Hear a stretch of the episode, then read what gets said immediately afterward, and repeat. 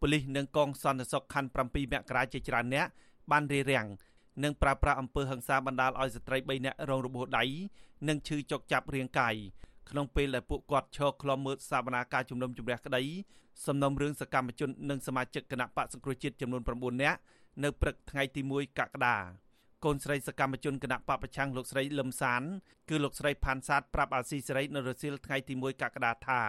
កងសន្តិសុខក្រុងភ្នំពេញប្រមាណ20នាក់ បានរញច្រានដណ្ដើមយកបដាជាផ្ទាំងរូបថតរបស់ជនជាប់ឃុំពីដៃរបស់លោកស្រីទាំងកំរោលបណ្ដាលឲ្យលោកស្រីដួលឆ្លោះដៃខាងឆ្វេង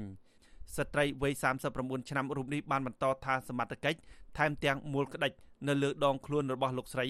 បណ្ដាលឲ្យជាំខ្មៅជាច្រើនកន្លែងលោកស្រីចាត់ទុកអំពើហិង្សាដោយក្រុមអាជ្ញាធរនេះថាជាការព្យាយាមធ្វើបាបដល់ស្ត្រីទុនខ្សោយខ្ញុំទទួលយកបានទេបងខ្ញុំស្ោតទោសពួកគាត់ព្រោះគាត់ធ្វើទាំងមើលនេះរំលោភទាំងគ្រប់គ្នាហ្នឹង ទៅទៅតាមសន្តិវិធីបងអត់ដែរទៅបកផលលេខឲ្យពួកគាត់ទេហើយឲ្យមានការចោទថាពួកខ្ញុំនឹងក្រសួងសុខាភិបាលដាក់មកថាឲ្យយើងនឹងឈរកម្រិតគ្នាកុំឲ្យមានឆ្លងកូវីដអីចឹងណាមកតែពួកអាជ្ញាធរអត់មានយល់ពីពួកខ្ញុំឯងគឺមកដឹងតែខ្លួនចេញច្រានហើយនឹងទាញនិយាយទៅខ្ញុំដាក់ឧទ្ធរណ៍ ហ្នឹងគោលអំណងចង់ឲ្យអាជ្ញាធរឬក៏តឡាការហ្នឹងដោះលែងម្ដាយខ្ញុំនិងសកម្មជនដទៃទៀតផ្សេងក្រៅឃុំព្រោះដោយសារពួកវីដេអូឃ្លីបដែលបានបង្ហោះនៅតាមបណ្ដាញសង្គម Facebook បានបង្ហាញថាកងសន្តិសុខខណ្ឌ7មករាប្រមាណ20នាក់បានស្ទុះទៅកញ្ឆក់យកបដាផ្ទាំងរូបថតពីដៃក្រុមស្ត្រីដែលបានសម្ដែងមតិដោយអហិង្សានៅម្ខាងផ្លូវក្បែរតុលាការក្រុងភ្នំពេញបន្ថែមលើពីនេះសមត្ថកិច្ចបានចាប់បោកបណ្ដាលឲ្យស្ត្រីជាច្រើនបានដួលនៅលើចិញ្ចើមផ្លូវ តែកតិនទៅនឹងបញ្ហានេះអ្នកនាំពាក្យស្នងការនគរបាលរាជធានីភ្នំពេញលោកសានសុកសីហាប្រាប់អាស៊ីសេរីថាលោកពុំទាន់ទទួលបានព័ត៌មានជុំវិញការប្រាស្រ័យអំពើហិង្សានេះនៅឡើយទេទោះជាយ៉ាងណាលោកថាមូលហេតុដែលសមត្ថកិច្ចរារាំងក្រុមស្ត្រីទាំងនោះដោយសារតែពួកគាត់ជួបជុំគ្នាដោយពុំបានសុំការអនុញ្ញាតពីអាជ្ញាធរ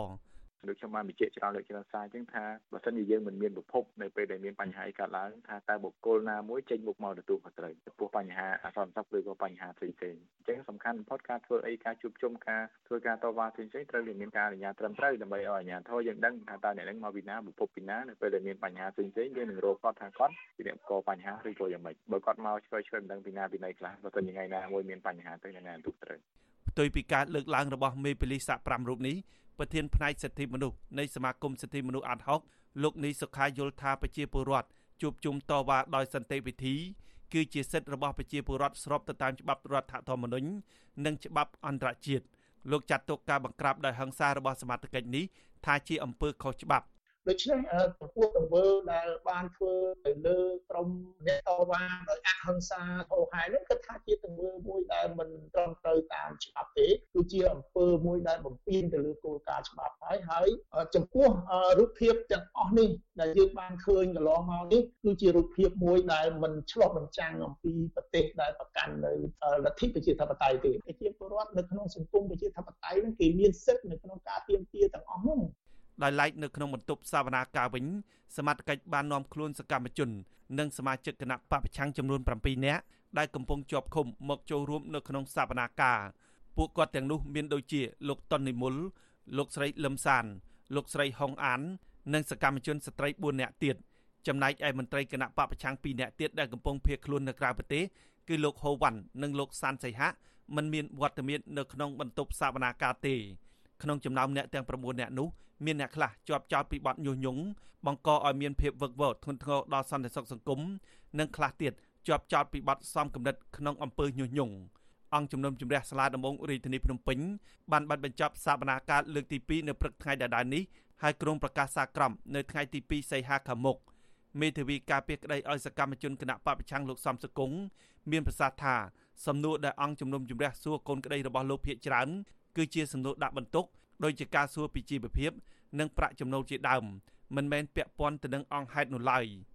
តកតទៅនឹងការដែលគាត់ដាក់ញត្តិនៅស្ថានទូតចិនឬស្ថានទូតផ្សេងៗនេះគឺជាការប្រប្រាស់សិទ្ធិក្នុងនាមជាប្រជាពលរដ្ឋខ្មែរដែលសិទ្ធិនឹងគឺសិទ្ធិតកតទៅនឹងការបញ្ចេញមតិនិងការជួបជុំគ្នាដោយសន្តិវិធីហើយសិទ្ធិនឹងធានាដោយរដ្ឋធម្មនុញ្ញមន្ត្រីបពប្រឆាំងនិងសកម្មជនស្ត្រីដែលកំពុងជាប់ឃុំទាំង7នាក់នោះត្រូវបានសមត្ថកិច្ចរបបក្រុងភ្នំពេញចាប់ខ្លួនពាក់ព័ន្ធនឹងការប្រមូលផ្ដុំគ្នាតវ៉ា និងដាក់ញត្តិនៅពីមុខស្ថានទូតចិនក្នុងទីក្រុងភ្នំពេញដើម្បីសម្ដែងក្តីព្រួយបារម្ភពីឥទ្ធិពលចិននៅកម្ពុជាការចាប់ខ្លួននេះធ្វើឡើងបន្ទាប់ពីលោកនាយករដ្ឋមន្ត្រីហ៊ុនសែនបានប្រកាសម្ដងហើយម្ដងទៀតប្រមានចាប់ខ្លួនក្រុមប្រជាពលរដ្ឋនិងសកម្មជនគណៈបពប្រឆាំងទាំងឡាយណាដែលបានចូលរួមតវ៉ានៅពីមុខស្ថានទូតចិនលោកហ៊ុនសែនចាត់ទុករឿងនេះថាជាការប៉ុនប៉ងផ្ដួលរំលំរដ្ឋាភិបាលរបស់លោកទោះជាយ៉ាងណាក៏ដោយអង្គការជាតិនិងអន្តរជាតិជាច្រើនស្ថាប័នបានចេញសេចក្តីថ្លែងការណ៍ថ្កោលទោស ចំពោះការចាប់ខ្លួននេះថាជារឿងនយោបាយនិងទាមទារឲ្យរបបក្រុងភ្នំពេញដោះលែងពួកគាត់ឲ្យមានសេរីភាពជាបន្ទាន់ខ្ញុំហេងរស្មី